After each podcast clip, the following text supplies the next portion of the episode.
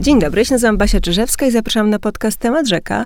E, dziś moją gościnią jest Katarzyna Tubylewicz, autorka książki Samotny jak Szwed o ludziach północy, którzy lubią bywać sami. Dzień dobry. Dzień dobry. Ja muszę zacząć tą historię od e, bardzo osobistej e, szwedzkiej impresji tą historię, tą rozmowę. Mm, kilka lat temu, jeszcze przed pandemią, byłam na takim press tripie mm, który polegał na tym, że miałam jako dziennikarka pojechać do Skandii, odwiedzić kilka miejsc, zrobić rozmowy i, i, i przygotować coś na kształt przewodnika. E, I zazwyczaj tego rodzaju wycieczki, które mają kilka mm, punktów e, do odwiedzenia, noclegi, taką skomplikowaną logistykę, odbywają się z przewodnikiem. Mm, natomiast e, szwedzka izba turystyczna wysłała do mnie maila z pytaniem, czy chcę jechać sama, czy może chcę wziąć kogoś ze sobą. Mm, I e, było to potraktowane w taki sposób oczywisty, że ja dostanę mapkę, rozpisane godziny i miejsce i, i poradzę sobie sama, bo przecież to jest, e, jestem dorosłą osobą, mam prawo jazdy, wszystko się zgadza. No więc miałam takie poczucie, że wow, to jest jednak dziwne, gdybym była we Włoszech, to ktoś by mnie oprowadzał po każdym zakamarku, po, pewnie poznałabym e, rodzinę na zdjęciach, a tutaj właściwie odbieram bilet, mam jakieś mapki i byłam zjeżona. Natomiast w trakcie tego wyjazdu, na który pojechałam z moją przyjaciółką, bo dostałam też zaproszenie dla drugiej osoby, która mogła mi towarzyszyć, e, miałam poczucie, że to było w ogóle wspaniały prezent e, i że ktoś pomyślał o tym, że to mogą być moje wakacje, że mogę mieć taką przestrzeń dla siebie, na namysł, że mogę przeżyć to z kimś, ale może, może mogę przeżyć też to sama. I to było dla mnie bardzo odświeżające doświadczenie. Mhm. No to rozumiem, w pełni rozumiem, że pa, takie było. Pani to nie dziwi? E, nie, nie dziwi. Mm, rzeczywiście e, Szwecja to jest taki kraj, e, w którym jest dość dużo mm, przestrzeni międzyludzkiej i to się wyraża zarówno e, w tym, że na przykład w dużym mieście, którym jest e, Sztokholm, bardzo łatwo jest znaleźć e, takie miejsce, w którym jest się samotnym nad wodą. Dlatego moja książka o Sztokholmie ma tytuł Sztokholm, miasto, które tętni ciszą bo mamy do czynienia z jednej strony z metropolią, a z drugiej strony z miastem, w którym gdzieś tam biegają sarny i zające, w którym zawsze jest przestrzeń takiej wolności i samotności, e, która nawet jest w centrum.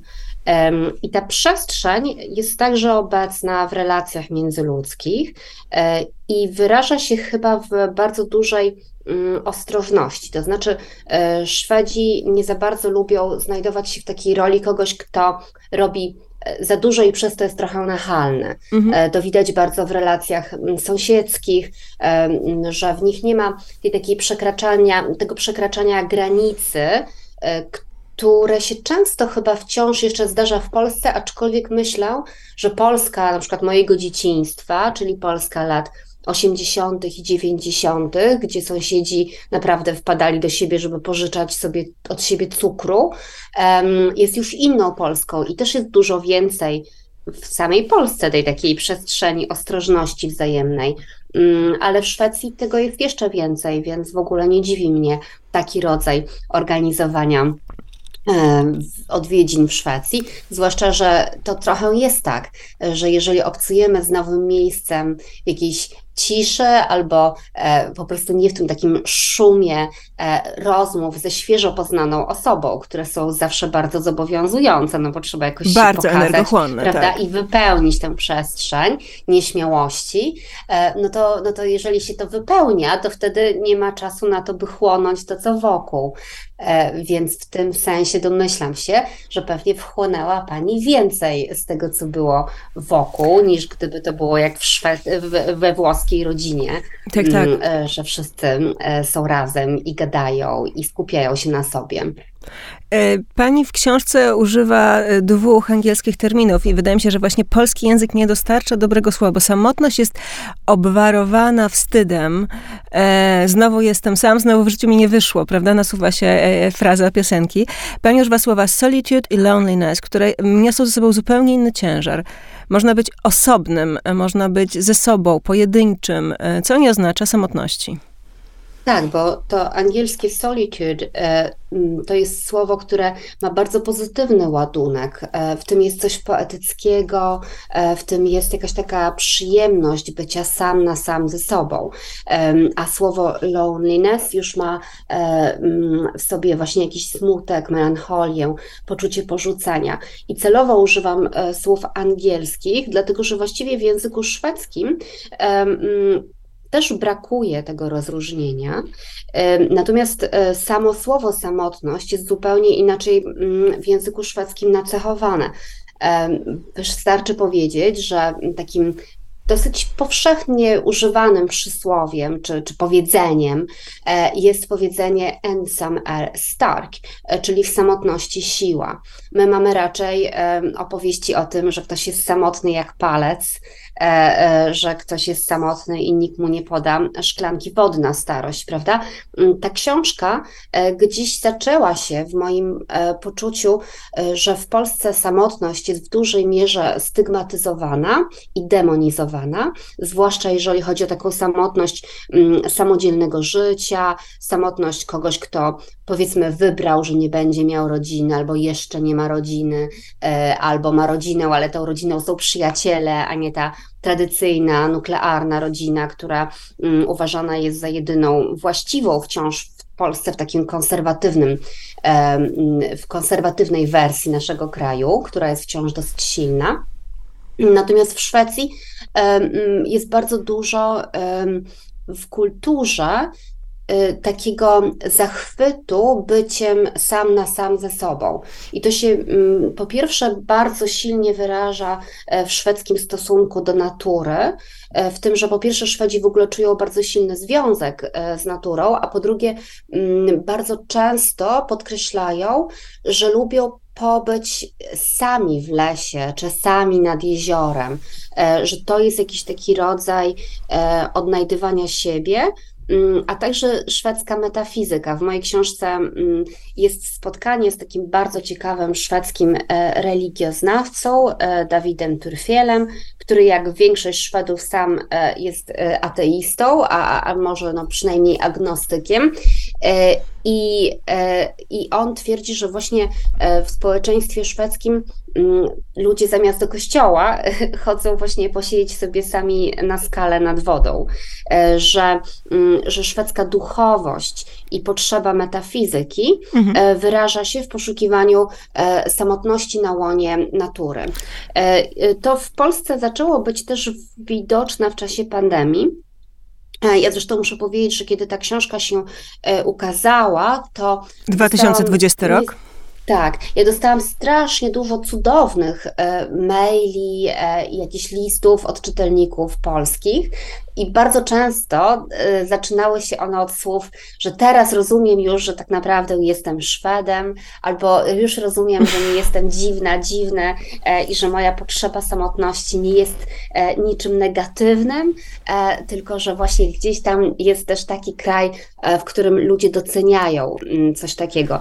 Także ja myślę, że w ogóle mm, potrzeba bycia sam na sam ze sobą jest czymś bardzo głęboko ludzkim. Ja nie przypadkiem cytuję parokrotnie w tej książce mm, takie słynne mm, słowa Kanta, Immanuela Kanta, e, który twierdził, że człowiek jest istotą aspołecznie towarzyską. Mm. I on twierdził, że my właśnie mamy w sobie z jednej strony tą ogromną potrzebą grupy i musimy do niej przynależeć, bo inaczej się po prostu boimy egzystencjalnej samotności, ale z drugiej strony inni ludzie nam w jakiś sposób zagrażają, oni nas przysłaniają i my mamy w sobie też e, taką, taki, taki nurt wewnętrzny, a społeczny, taką potrzebę e, spotkania się tylko z samym sobą. To może... Ja myślę, że to jest we wszystkich kulturach obecne, w Szwecji bardziej wyraźne.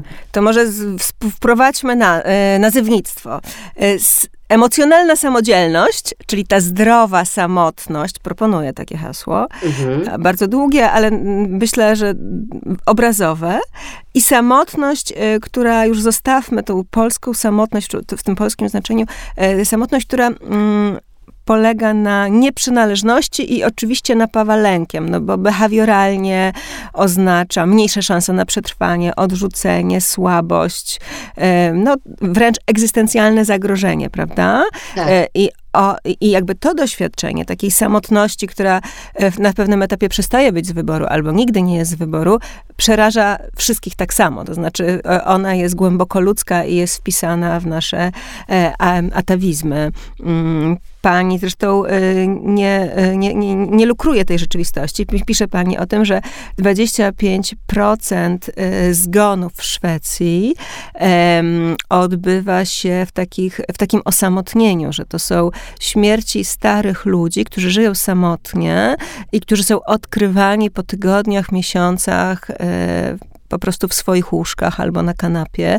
I to jest bardzo smutny obraz, z którym też społeczeństwo stara się e, jakoś uporać. To znaczy, to nie jest sytuacja mm, afirmowania samotności, bardziej właśnie rozróżniania na różne etapy w życiu, na różne, różne zakresy, różne mm, też oso osobowe takie uwarunkowania i wrażliwości.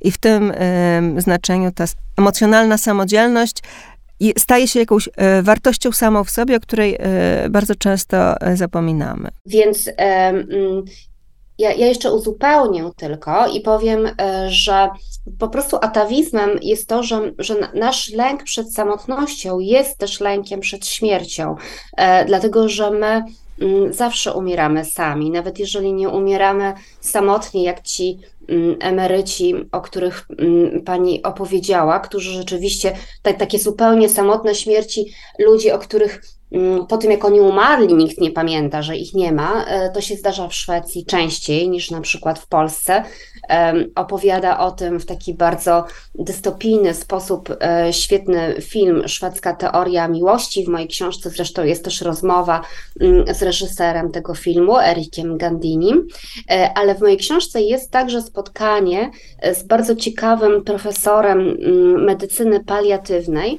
Peterem Strangiem, który zresztą prywatnie też jest osobą bardzo ceniącą sobie bycie sam na sam ze sobą i my o tym dużo rozmawiamy, ale on zajmuje się tematem właśnie doświadczenia samotności podczas umierania e, i, i twierdzi, że że to jest w jakiś sposób nieprzekraczalny problem, bo nawet człowiek umierający w otoczeniu bliskich sobie ludzi mm, i tak doświadcza czegoś, czym nie może podzielić się z innymi i czego ci bliscy jeszcze nigdy nie doświadczyli, no przyczyn zrozumiałych, bo wciąż żyją, E, I, I to napawa każdą jednostkę jakimś ogromnym lękiem. On się zastanawia nad tym, w jaki sposób medycyna może odpowiedzieć na to mm, i jak można minimalizować ten rodzaj samotności. Ale rzeczywiście mm, moja książka mm, nie idealizuje w ogóle tego, że, e, że, że, zawsze jest tak cudownie być e, samemu.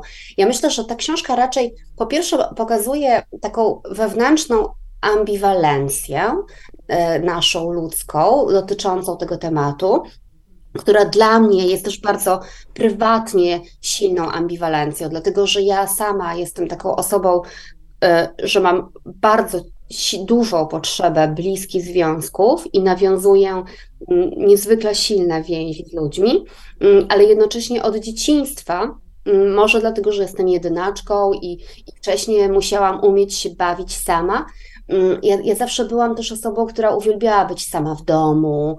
E, zawsze miałam taką potrzebę po prostu właśnie samotności gdzieś na łące, w jakimś miejscu. Odejścia. E, tak, e, to, było, to, to mi dawało siłę. To, to powodowało, że ja się mm, jeszcze jako dziecko lepiej później czułam, także w relacjach z ludźmi. I to są w ogóle cechy mm, introwertyków. Moja książka też wyjaśnia, jeżeli mówimy o pojęciach, jedną taką jedno takie zawirowanie pojęciowe, dlatego że my bardzo często operujemy słowami introwertyk i ekstrawertyk.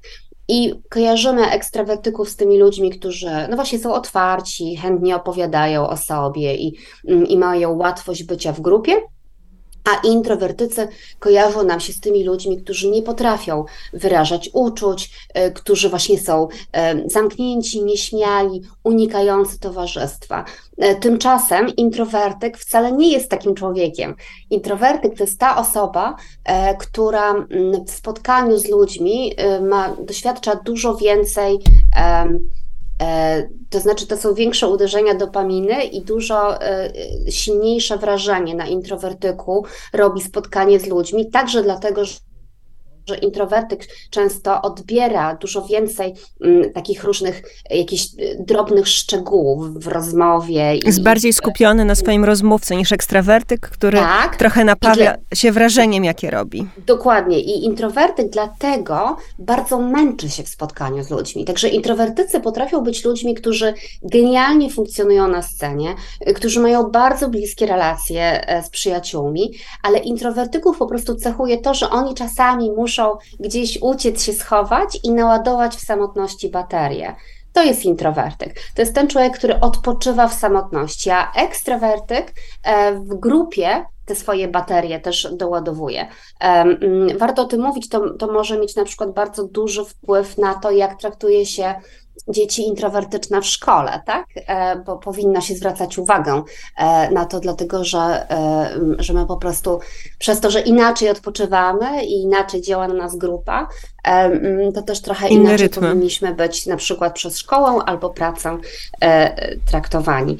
Ale wracając do mojej książki, to na pewno jest w niej więcej pogodzenia z samotnością, więcej takiej radości odkrywania tego, że można się przyjaźnić też z sobą samym e, i, i to może nas budować, a nie niszczyć. E, także to jest taka książka kojąca, choć ona absolutnie nie ucieka od problemu samotności niechcianej, ale pokazuje, że samotność jest także jakimś darem e, i że my wszyscy tak naprawdę tej samotności gdzieś tam też szukamy i, i prawdopodobnie szczęście czy, czy poczucie harmonii to jest jakaś równowaga pomiędzy potrzebą ludzi i potrzebą e, tej przestrzeni dla siebie. Dla mnie ta książka jest bardzo ciekawa, bo ona trochę mierzy się z takim modelem życia, w którym e, jesteśmy, możemy być w relacji, możemy być, tworzyć rodzinę, możemy nawet mieć dzieci. Jedna z twoich e, rozmówczyń e, mówi o tym, że jest mamą i że to jest jej świadoma decyzja, ale dla niej to jest bardzo trudne, ponieważ ona pisze i potrzebuje się wyłączać i potrzebuje samotności. E, natomiast to świadome wchodzenie w relacje jest też e, no właśnie jakąś y, płaszczyzną, w której można zawierać umowy, ustalać, wprowadzać zmiany. E, I, i można sobie tą e, odrębność zaprojektować. E, to jest chyba taka bardzo mm, ciekawa, e, jesteśmy teraz w takim bardzo ciekawym momencie w kulturze, mm, kiedy około 50% małżeństw w Europie Zachodniej e, rozpada się, więc osoby, które wchodzą w relacje, formalizują je, mają gdzieś z tyłu głowy takie poczucie, że ten plan, jakkolwiek w niego wierzą, na pewnym etapie może szwankować, albo na pewno jest narażony na kryzysy i nie wiadomo, jak przez to para przejdzie. Być może pojawi pojawi się rozstanie, no a wtedy wizja samotności. Zresztą samotność we dwoje też jest zjawiskiem, który pani, o którym pani pisze mm, i też jest lękiem, e, poczucie mm, wyobcowania e, przy takim e, rytmie życia z kimś tuż obok i ono chyba jest bardziej przerażające. Więc wydaje się, że to zadbanie o mm, swój świat wewnętrzny, o właśnie tę przestrzeń do odejścia jest taką E, strategią, która e, może mm, stabilizować psychicznie, może nas w pewien sposób przygotowywać właśnie do lepszego życia z kimś, e, może nam pozwalać na rozwój. To jest bardzo nowe, zwłaszcza jeśli chodzi o kobiety, które do tej pory w romantycznym micie miały rozpuszczać się w związkach, poświęcać, przyjmować męskie nazwiska i, i wchodzić w zupełnie nowe role. E, tak, ja muszę, muszę powiedzieć, że kiedy rozmawiamy o tym, e, to gdzieś tam e, musimy też skoczyć do mojej książki, która w jakiś sposób uzupełnia uzupełnia opowieść z Samotny jak Szwed, mm, czyli książki, która ma tytuł Szwedzka sztuka kochania o miłości i seksie na północy, bo to jest taka opowieść, w której ja rzeczywiście przyglądam się bardzo różnym, często nowym formom związków.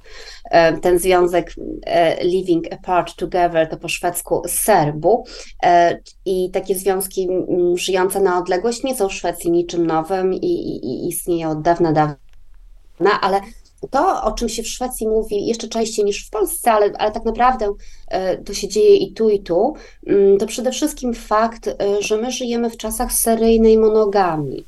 Bo to nie jest tak, że my dzisiaj zawieramy na przykład związki małżeńskie, mamy dzieci i jeżeli to się kończy, to potem następuje jakiś taki wielki czas smuty i samotności.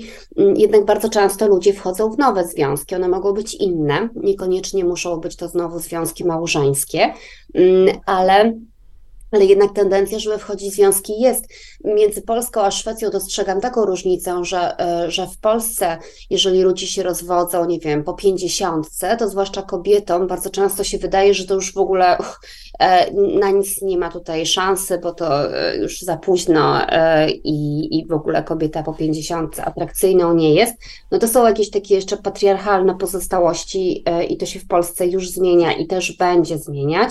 My generalnie żyjemy długo, e, żyjemy w kulturze, w której małżeństwo kojarzymy z miłością romantyczną. Przypomnijmy, mm, że powiedzmy w wieku XIX jeszcze e, małżeństwo było przede wszystkim instytucją, w której mm, wychowywano dzieci i łączono majątki i nie oczekiwano od małżeństwa, że to będzie też przyjaźń, wielka miłość i jeszcze wspaniały seks, najlepiej um, przez całość trwania tego małżeństwa. Dzisiaj mamy takie oczekiwania e, i w związku z tym bardzo trudno jest, choć to, to się może zdarzyć, zdarzają się przecież wielkie miłości trwające mm, bez końca. Jestem bardzo romantyczną osobą i wierzę, że to jest możliwe, ale e, jest też cała masa nawet świetnych związków, które po prostu się wypalają i to nie jest żadną um, tragedią i nie Zmienia musi na przykład końca wszystkiego. okoliczności albo świat zewnętrzny i osoby rozwijają się w inne strony, mają inne pomysły Dokładnie. na życie. Jest masa, masa różnych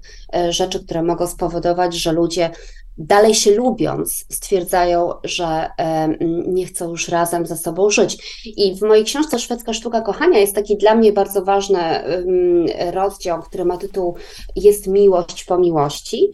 Mm, I to jest opowieść o różnych e, relacjach e, patchworkowych. I tam głównymi bohaterami e, są ludzie, którzy się nazywają, to jest Katrin, Bingo, i Alex. Mm, Katrin, zresztą ona ma na nazwisko Żytomierska, ma polskie korzenie, jest e, szwedzką e, celebrytką, która ma trzech synów z dwoma byłymi partnerami, mm, z fotografem Bingo, z którym ona prowadzi bardzo znany podcast i prowadzi go już 10 lat. To jest podcast o związkach, więc oni cały czas ze sobą pracują i też wspólnie wychowują dzieci.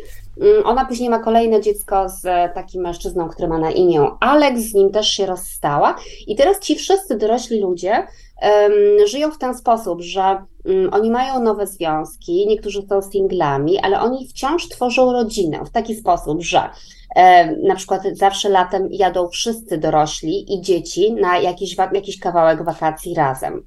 E, oni przynajmniej raz w tygodniu wszyscy razem jedzą kolację, dlatego że dzieci mają prawo do tego, by obcować ze wszystkimi swoimi rodzicami, tak?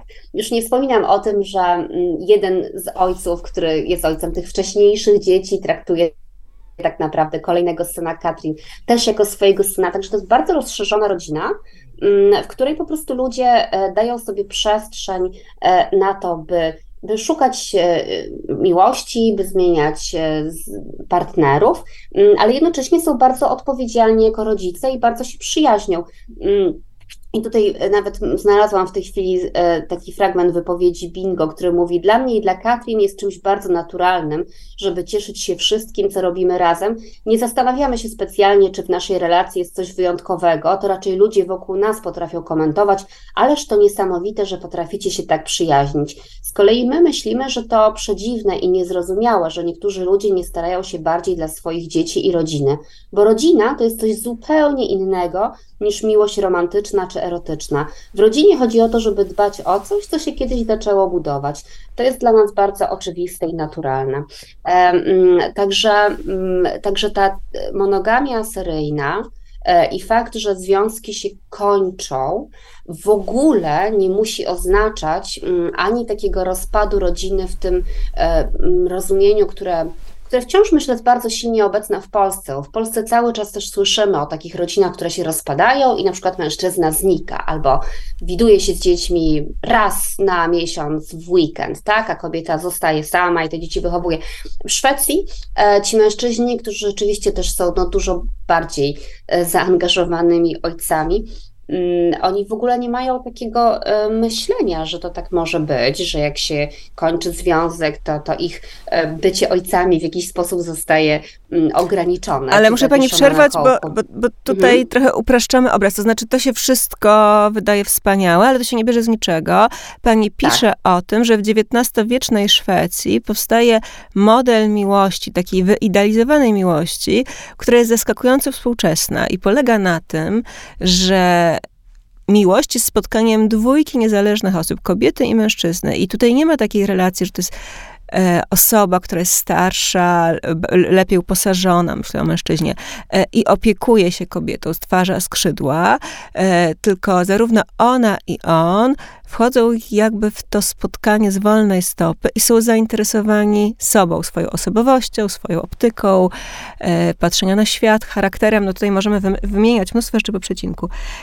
Jest to rewolucyjne, bo to sprawia, że jeśli to jest pewien wzorzec narodowy, to tak buduje się system kształtujący codzienność i rzeczywistość w Szwecji, żeby on był realizowalny. Czyli na przykład zachęca się kobiety do powrotu do pracy wcześniej, żeby były niezależne finansowo. Buduje się e, prężną sieć e, przedszkoli, żłobków i różnych e, instytucji, które edukują dzieci i wychowują i uważa się, że dzieci powinny się bardzo szybko socjalizować. W, dla osób w podeszłym wieku jest sieć instytucji, które mm, zajmują się opieką, leczeniem, ale też takim utrzymywaniem ich na chodzie, zanurzonych w codzienności, żeby nie obciążać rodzin, żeby te rodziny mogły znowuż funkcjonować jako pojedyncze jednostki budujące coś razem, ale bez poświęcenia. E, to, to jest chyba game changer. Tak, w ogóle warto też wspomnieć tutaj o mm, tym, co zrobili mm, socjaldemokraci, dlatego że po pierwsze mm, cały XX wiek to są przede wszystkim rządy socjaldemokratów e, i bardzo dużo świadomej inżynierii społecznej, e, która przyniosła wiele ciekawych i dobrych efektów, przyniosła także e, różne nadużycia i, i problemy. To tak mówimy o reformie, jest... która zaczyna się w latach dwudziestych XX wieku, prawda? Mm, Czyli to jest tak. stuletnia tradycja. Tak, e, e, ona zresztą później tak narastająca, bo część z tych rzeczy, o których rozmawiamy, to są dopiero 60. lata XX wieku. Generalnie po pierwsze stworzono mm, państwo opiekuńcze, czyli państwo, w którym jednostka otrzymuje niezwykle dużo pomocy od różnych instytucji. I warto powiedzieć, że w Polsce, kiedy mówi się o, mm, no nie wiem, jakichś zasiłkach, czy o tym, e, że, że państwo ma pomagać mm, obywatelom, to zawsze mówi się o rodzinie że rodzina jest tą najważniejszą e, społeczną e, e, jednostką, komórką e, i, e, i to rodzinie trzeba pomagać. E, w Szwecji państwo opiekuńcze zajmuje się pojedynczym człowiekiem, nie rodziną. Ma zawsze pomagać po prostu jednostce.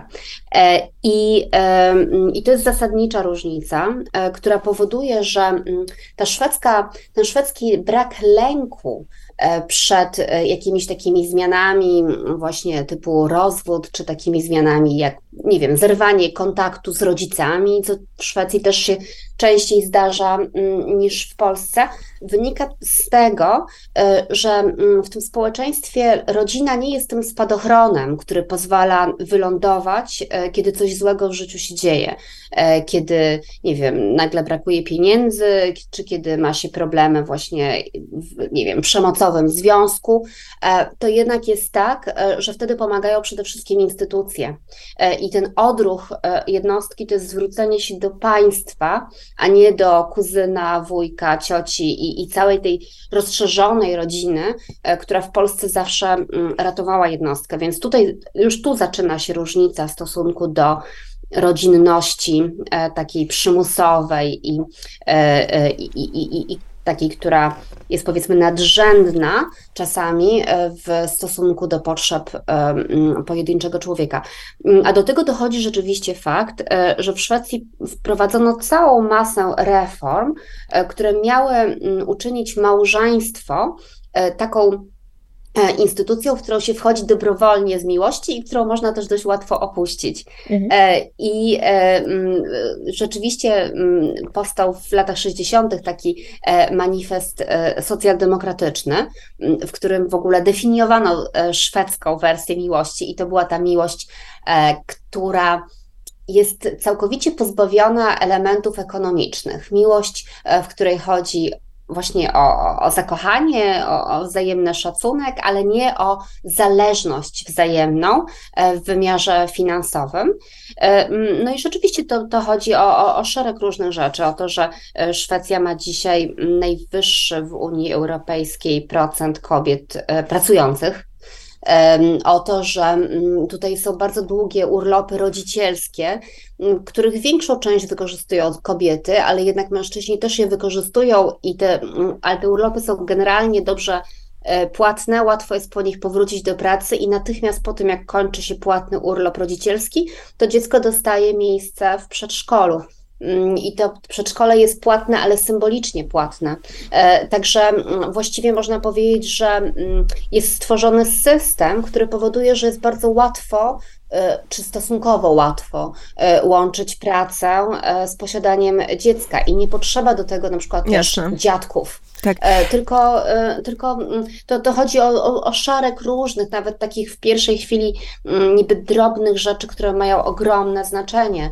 E, o to, że na przykład rodzice dzieci do ósmego roku życia mają prawo do pracy w wymiarze mm, godzin 80%, czyli mogą kończyć mhm. pracę o godzinie trzeciej, żeby te dzieci odbierać. Ale ja muszę pani zadać mhm. kolejne pytanie, bo w tym obrazie, który jest taki pragmatyczny, wyważony, mhm. nie ma w nim ryzyka, nawet ta samotność nie wydaje się już taka heroiczna, tylko ona jest poparta jakąś kalkulacją, że poradzę sobie, że mam tutaj e, wspomaganie mojego stada i wspólnoty, z którym nie muszę dzielić mieszkania, ale ono jest tak. i jestem go e, pewien, pewna. Jak w tym e, pragmatycznym świecie wygląda zakochanie? Czyli taki moment, kiedy mhm. nagle chce, mhm. odkrywamy jakąś osobę, fascynujemy się nią, chcemy z nią spędzać czas, wejść jej pod skórę, zachłystywać się nią i, i chcemy wierzyć, że to będzie trwało e, wiecznie. No, z zakochaniem bywają problemy, jak wszędzie. E, ostatnio w Szwecji toczy się naprawdę duża i i interesująca debata, dosyć zaskakująca, e, na temat tego, że mm, ci równouprawnieni e, szwedzcy mężczyźni, którzy tak świetnie funkcjonują właśnie jako zaangażowani ojcowie, którzy potrafią zrobić obiad i nie zapomną e, wziąć ciepłych rzeczy dzieci na wycieczkę i tak dalej Mm, że oni nie do końca się jednak sprawdzają w tej chwili w roli takich mężczyzn uwodzących, tworzących romantyczną atmosferę, że potrzeba dzielenia się rachunkiem nawet za kawę jest, no, jest z jednej strony zrozumiała, a z drugiej strony odbiera coś e, mm, tej pierwszej randce. E, I mm, bo, bo, bo to troszkę, tym bardziej, że znaczy, mm, ja myślę, że w ogóle moje książki, na pewno taką książką też są moraliści e, pomimo tego, że kiedy rozmawiamy, to, to być może to czasami rzeczywiście tak brzmi, że ja opowiadam o jakimś takim świetnie funkcjonującym społeczeństwie i pokazuję, że można myśleć inaczej o rodzinie i to działa. Mm, ale to trochę jest tak, że mm, zawsze jak się przyglądamy z bliska pewnym rozwiązaniom, e, to okazuje się, mm, że, że może po prostu nie ma czegoś takiego jak idealne społeczeństwo i każde rozwiązanie przynosi ze sobą określone też problemy. E, I, i nawet to szwedzkie równouprawnienie w takim wymiarze mm, szeroko ujętym jest nie w pełni równe. Różnica na przykład zarobków między kobietami a mężczyznami jest w Szwecji większa niż w Polsce. Mm, więc, no, więc powiedzmy tym rachunkiem za kawę e, dzielą się dwie osoby, ale z reguły kobieta mniej zarabia niż mężczyzna, tak?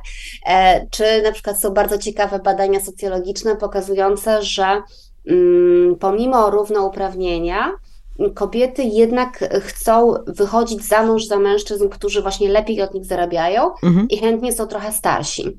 E, czyli my mamy w sobie, mm, z jednej strony mamy pewne ideały, a z drugiej strony jak przychodzi do mm, romantycznych relacji, ale też do erotycznych relacji, bo ja myślę, że tutaj po prostu trzeba też mówić wprost o erotyce. E, to się okazuje, że jednak są pewne, może to są atawizmy, a może to jest, y, ja zawsze fascynuję się też różnymi filozofiami wschodu, więc wierzę w jakieś różnice między yin i yang, i że to też ma znaczenie. E, I się okazuje po prostu, że, że my tacy upodobnieni do siebie i tacy, mm, y, tacy sami w tej równości, może już nie jesteśmy dla siebie tak samo atrakcyjni, a może nie wiemy, mm, jak stworzyć mm, znowu E, takie jakieś marzenie o, o, o miłości, która nas porywa. Także mm, w Szwecji oczywiście znowu ludzie są różni e, i, i w każdym społeczeństwie są bardziej typowi jego reprezentanci i, i, zupełnie nietypowi. Mm, także w Szwecji jest także pełno e, miłości romantycznej i jak ktoś sięgnie po moją szwedzką sztukę kochania, to znajdzie też opowieści o miłości romantycznej. Ale ona jest odpowiednio regulowana, opakowywana różnymi metodami. Tak. E, I też można powiedzieć, czy to jest w ogóle dobrze, że my w taką miłość wierzymy, czy nie. To, to jest ogromny temat e, i dla socjologii, i dla filozofii, i no po prostu bardzo duży temat. Mm, ja osobiście gdzieś wierzę w to, e, że mit miłości, będąc też e, momentami szkodliwym, jest też dla nas e, jakoś taką siłą transformującą i nie rezygnowałabym tak łatwo z marzeń o miłości na rzecz pełnego równouprawnienia, tak jak nie rezygnowałabym z poezji na rzecz reportażu, chociaż sama piszę reportaże, tak? Głównie. Pani Więc... pisze też o migrantach i o kwestiach mhm. samotności miłości, bo oni tego nie rozumieją. Osoby, które przejeżdżają do Szwecji, na przykład z Afryki e, i nie widzą Szwedów na ulicach, bo Szwedzi siedzą w domach i uczą się szwedzkiego i nie mają z kim porozmawiać po szwedzku, bo, e, bo Szwedzi nie rozmawiają i nie ma small talków, e, czują jakiś absurd tej sytuacji. A z drugiej strony na przykład obraz samotnego mężczyzny, który wchodzi w relację miłosną z uchodźczynią, która przyjmuje nad nim opiekę i jest mm, taką właśnie tradycyjną kobietą, pielęgnującą go i ratującą e, z tego kroku nad przepaścią, wpisuje się w jakiś taki sen o e, nowym życiu albo innym życiu, które gdzieś tam za rogiem może e, mnie spotkać. To jest, to jest bardzo tak, ciekawe. To znaczy, jeżeli mówimy w ogóle o imigrantach i o uchodźcach, to um, ja poświęciłam temu tematowi nie jedną książkę, chyba najważniejsza moja książka, myślę, że wciąż bardzo aktualna na ten temat, to Moraliści. E, I tutaj po prostu warto powiedzieć, że e, ten, ten brak rozmów ze Szwedami wynika może głównie z tego, że Szwecja jest niesamowicie posegregowanym krajem. E, Szwedzi latami mieli bardzo z jednej strony otwarte serca, tak się o tym myślało, e, i przyjmowano tutaj bardzo dużo uchodźców, często z niezwykle odległych kulturowo krajów. E, Szwecja jest dzisiaj mm, jednym z najbardziej wielokulturowych krajów w Europie i 22% e, mieszkańców tego kraju urodziło się poza tym krajem. E, a więc jeżeli wliczymy w to jeszcze ludzi, którzy są z rodzin imigranckich, ale urodzili się już w Szwecji, to mówimy naprawdę o niesamowitej mozaice. Mm, jednocześnie mm, to wcale nie jest ani odczuwalne, ani specjalnie widoczne na ulicach, że że Szwecja jest tak bardzo wielokulturowa. A to nie zależy od Dlatego, regionu, od rejonu miasta, po którym się poruszamy? Dokładnie. Ludzie, co mieszkają, znaczy tutaj jest naprawdę bardzo dużo takich dzielnic, które są po prostu tylko imigranckimi dzielnicami. Są szkoły, w których nie ma ani jednego rodowitego Szweda i dlatego w tych szkołach trudno jest nauczyć się języka szwedzkiego. I, i, i troszkę mm, dzisiaj jest to widoczne i bardzo omawiane intensywnie e, choć nie zawsze nazywane hipokryzją, ale gdzieś tam ja w Moralistach, ta książka, która wyszła w 2015 roku, pisałam o takim narcyzmie dobroci, o takiej dobroci e, e, właśnie przyjmowania uchodźców, której celem tak naprawdę nie jest pomoc tym konkretnym ludziom, e, tylko potwierdzenie własnego obrazu jako człowieka czy społeczeństwa dobrego, prawego, otwartego. Mm, w Szwecji długo mm, pracowano nad ten obraz humanitarnego mocarstwa, mm, ale jednocześnie jednostki wybierały mieszkanie daleko od tych nowo przybyłych e, i nie zatrudnianie nowo przybyłych, bo łatwiej pracuje się z ludźmi, którzy myślą tak samo jak my. E, także mm, ci, ci uchodźcy, którzy pojawiają się na przykład w, e, w filmie Erika Gandiniego, Szwedzka teoria miłości i, i nie widzą nigdzie Szwedów, mm, to są przede wszystkim ludzie, którzy po prostu są poza tym szwedzkim kontekstem, bo oczywiście w Szwecji e, też są small talki i Szwedzi potrafią być bardzo i ciepli, i zagadujący, ale w takim trochę przebranym towarzystwie. No to troszkę tak jest, e, e, że trzeba między tych Szwedów trafić, a to wcale nie jest e, takie łatwe i takie oczywiste, zwłaszcza do, dla ludzi, którzy przyjeżdżają tutaj mm, z krajów odległych kulturowo. Czy pani uważa, że rzeczywiście żyjemy w epoce samotności, że cierpimy na plagę samotności? Mm, I tak i nie, bo ja mam poczucie y, na przykład, y, że y, ten czas, który spędzamy przed komputerem czy z komórką, skrolując jakieś media społecznościowe, niekoniecznie jest czasem samotnym. Sama mam bardzo silne poczucie, że jako osoba żyjąca trochę pomiędzy krajami, jako osoba mająca przyjaciół w różnych miejscach na świecie, właśnie dzięki przede wszystkim Facebookowi, Messengerowi, mam no, często wręcz mm, naprawdę bliskie relacje z ludźmi, których nie widuję codziennie. I, i, I to zdecydowanie zmniejsza moją samotność, zwłaszcza taką samotność imigrantki, tak? Ja, mm, ja sama nie do końca może też się definiuję jako imigrantka, no ale faktem jest, że żyję od ponad 20 lat E, w Szwecji, bardzo często w Polsce bywam, gdzieś tam się zawiesiłam pomiędzy tymi krajami, ale jestem w stanie być w obu tych krajach jakoś obecna i mieć poczucie bliskości z ludźmi, um, właśnie dlatego, że myślę, że w, miarę dobry sposób używam mediów um, społecznościowych.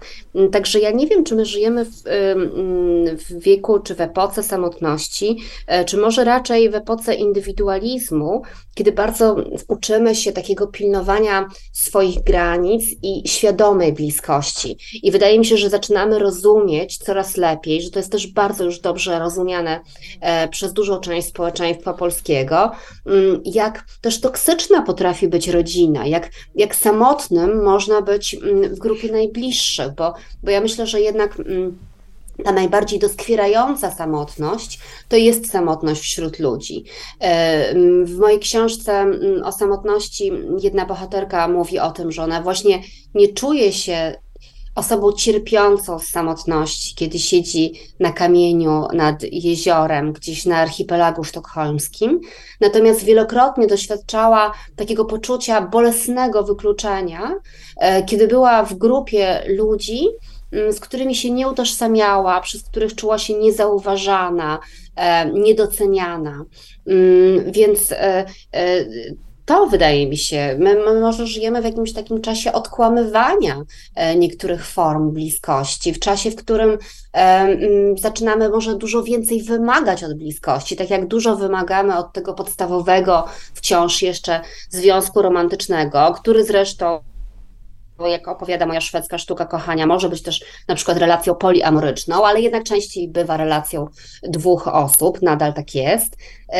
Ale mamy wobec tego po prostu więcej oczekiwań, być może czasem nierealistycznych. My wciąż negocjujemy e, nową rzeczywistość, ale mm, ja, ja, ja mam poczucie, e, że to znaczy nie wydaje mi się, że w ogóle świat zmierza ku jakiejś zagładzie i że jest coraz gorzej, bo wydaje mi się, że my, pomimo tego wszystkiego złego, co się wokół nas dzieje, jednak na poziomie jednostkowym jesteśmy coraz bardziej świadomi, e, coraz może nawet lepsi w komunikacji, jednak coś mhm. dają te wszystkie godziny spędzane e, na mm, jakiejś pracy nad sobą, e, jakaś psychoterapia, yoga, którą ja uprawiam od lat.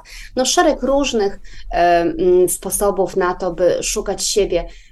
My żyjemy i tutaj Polska i Szwecja są do siebie podobne Mm, że to są jednak już społeczeństwa na tyle zamożne, e, że pojawia się przestrzeń na to, by zadbać o siebie samego. A kiedy my zaczynamy dbać o siebie, to zaczynamy też dbać o innych w dużo mądrzejszy sposób. Ja jestem zwolenniczką tej mm, tezy, że mm, jak mamy kontakt ze sobą, jesteśmy dobrzy dla siebie, to jesteśmy też lepsi dla świata. A żebyśmy byli dobrzy dla siebie, no to potrzebujemy trochę po prostu czasu.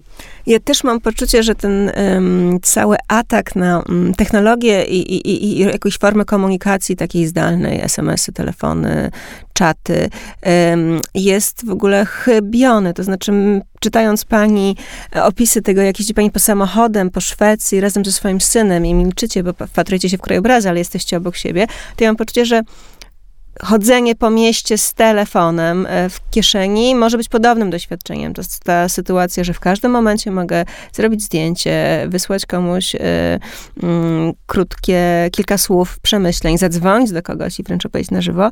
No jakoś y, jest, jest takim doświadczeniem niezwykłym i to właśnie w czasie realnym i, i porównywalnym.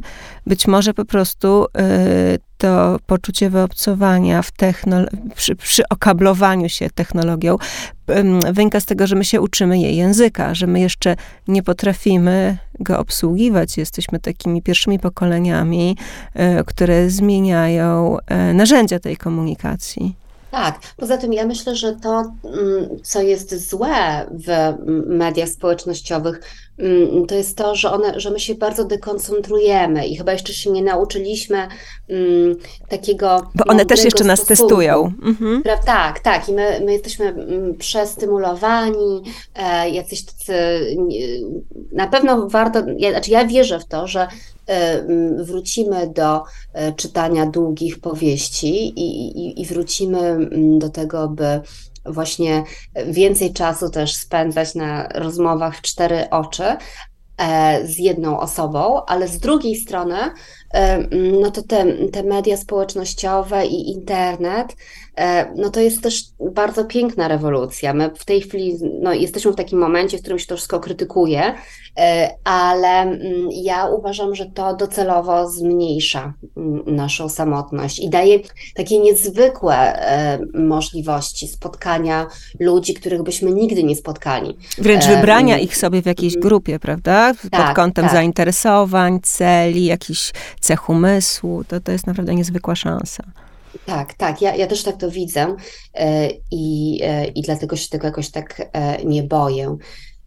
I może czasami też nadużywam komórki. Mój syn, właśnie przełamując różne stereotypy, mój syn, młode pokolenie, mm, a jest dużo bardziej świadomy tego, że należy limitować sobie czas e, z komórką i, i on właśnie na mnie co jakiś czas krzyczy, e, że mm, za dużo robię zdjęć i wrzucam na Insta Stories, to w ogóle jest, mm, a ja się tym jakoś tam bawię i nie wydaje mi się, że to bardzo e, mnie zmienia w złą stronę.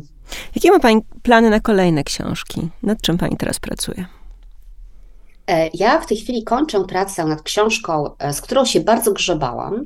E, trochę też tak, mm, trochę też próbuję się wyłamać, od, bo, bo w tej chwili mm, jesteśmy w takim momencie, w którym mm, wydaje się w ogóle trochę za dużo książek i bardzo wielu pisarzy, zwłaszcza tych, których książki jakoś tam zostały już zauważone i, i, i, którzy mają czytelników. Ja jestem taką pisarką.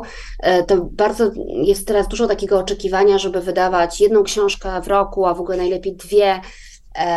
Ja nie, nie, do końca wierzę w wartość takiego przyspieszenia, więc w zeszłym roku nie wydałam książki, w tym roku wydam książkę, która opowiada o różnych formach wolności i o naszym poszukiwaniu wolności. Ten temat, który zawsze był mi bliski i gdzieś tam się, zwłaszcza wolność myślenia, to jest pewnie jeden z przewodnich wątków wszystkich moich książek, e, więc miałam takie poczucie, że no to jest naturalne, muszę koniecznie napisać książkę o wolności. Mm, okazało się, że to jest niesamowicie skomplikowany temat, mm, nie taki znowu radosny, jak się wydawało, e, nie taki łatwy do wyrażenia. To, co jest nowe w tej książce, to ona jest znowu w jakiś sposób reportażem polifonicznym, ale jest w niej mniej wywiadów, a, a więcej takich po prostu klasycznych, bardziej reportaży, opowieści o y, moich bohaterach. Y, I w tej książce jest wielu Polaków. Mm, ja, y, pomimo tego, że bardzo lubię bawić się w przykładanie Polakom lustra w postaci różnych szwedzkich opowieści, w których wyraźnie widać, E, jakieś charakterystyczne cechy polskiego społeczeństwa, bo mnie w ogóle bardzo interesuje to, mm, że interesuje mnie wolność jednostki i jakaś prawda o człowieku, e, która jest e, mm, w jakiś sposób niezależna od tego wszystkiego, co nam narzuca społeczeństwo, a ponieważ społeczeństwo narzuca nam tak strasznie dużo i my jesteśmy tylko części tych narzuconych przekonań świadomi, Mm, no to mm, patrzenie e, gdzieś niedaleko, bo po drugiej stronie Bałtyku, że na pewne rzeczy się patrzy zupełnie inaczej niż w Polsce, Mm, to naprawdę może otwierać oczy i działać w taki sposób, e, no właśnie taki przebudzający e, i, i, i dający do myślenia. Mm, ale, ale ta książka o wolności to jest książka, w której już nie stosuję tego zabiegu. Mam różnych mm, bohaterów. Wydaje mi się, że wydaje mi się, że ta książka jest bardzo ciekawa, ale jednocześnie muszę powiedzieć, że bardzo z nią walczyłam, sporo jeździłam też, bo mm, odwiedzałam różnych bohaterów w różnych miejscach na Ziemi. E, e, i, i, i wybrałam sobie sporo takich trudnych ludzi, o których też jest trudno opowiadać. E, ale mam wrażenie, że ta opowieść też jest potrzebna, mm, zwłaszcza, że my słowa wolność znowu mm, dosyć często używamy i nadużywamy i właśnie mówimy o wolności jednostki, o wolności kraju i o E, że wolność najpiękniejsza, a mam wrażenie, że my bardzo często w ogóle nie wiemy, e, co mówimy, e, kiedy używamy tego słowa. Nie myślimy za dużo o cenie wolności, ona jest z reguły duża. No i wcale nie mamy tak dużo szacunku dla tych ludzi, którzy są prawdziwie wolni, bo ci ludzie łamią tabu. My tak naprawdę bardzo boimy się wolności, więc ludzie prawdziwie wolni z reguły uchodzą za dziwaków. To czekamy. Bardzo dziękuję za rozmowę. Dziękuję ogromnie.